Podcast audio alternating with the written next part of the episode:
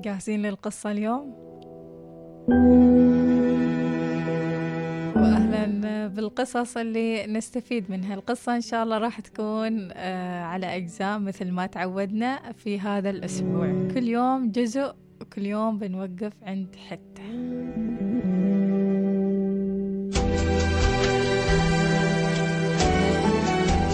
يقول صاحب هذه القصة ويستفتح الجزء الأول أو حتى يستفتح القصة آه، كلها ويقول المشعوذ كذاب وإن صدق فلما يمرض عندك أعز شخص عندك في الحياة كلها. لما يمرض عندك أعز شخص في الحياة تظلم الدنيا كلها أمام عيونك. وتحاول بكل ما أوتيت من طاقة وجهد إنك تحصل الحلول. وممكن تصادف إن يكون الشفاء صعب فتحاول لاهث إنك تبحث عن أن تبحث عن هذا العلاج في كل مكان وبأي طريقة. يقول السعي جميل وواجب شرعا لكن الأمور تتعاظم وإن ساقت لك الأيام مشعوذ في طريقك وأغواك فإن طريق الشفاء يمر. بدربه صاحب القصة يقول هذه قصة حقيقية حدثت لوالدتي. أسوقها لكم لأخذ العبرة والتدبر. لعل وعسى نسهم في تثقيف المجتمع.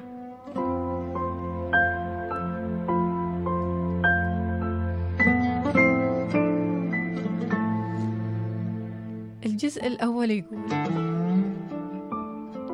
يقول صاحب القصة مرضت أمي قبل سبعة أعوام وأصيبت بعوارض غريبة عجيبة للغاية. اختلت بنفسها في غرفتها حتى لدرجة إنها امتنعت عن الأكل وما سمحت لأي واحد منا أنه يدخل في غرفتها مطلقا وللأبد. كان هذا الموضوع في رمضان الماضي. في البداية أعتقدنا أن الأمر طبيعي لكون والدتي اعتادت على أنها تزيد في التعبد في ذلك الشهر بالتحديد واعتقدنا أنها تحاول الاعتكاف هالعام.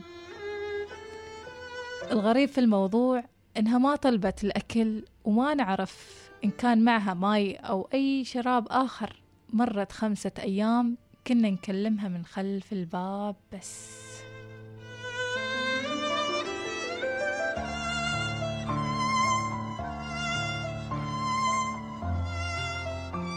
كانت تحكي معنا بهدوء.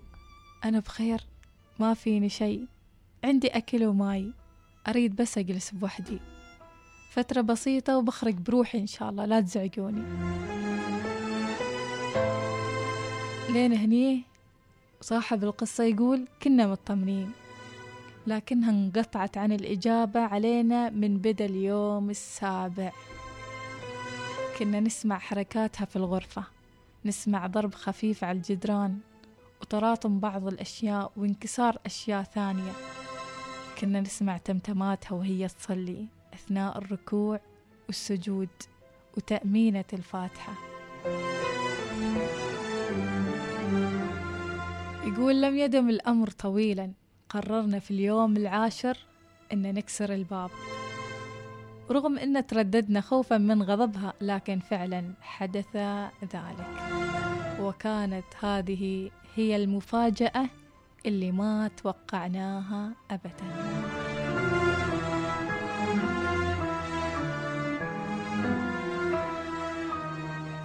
إذا نلتقي مع الجزء الثاني إن شاء الله عشان نعرف يا ترى إيش صار بعد ما كسروا الباب. ولما ختم قصته وقال هنا كانت المفاجأة اللي ما توقعناها أبدا.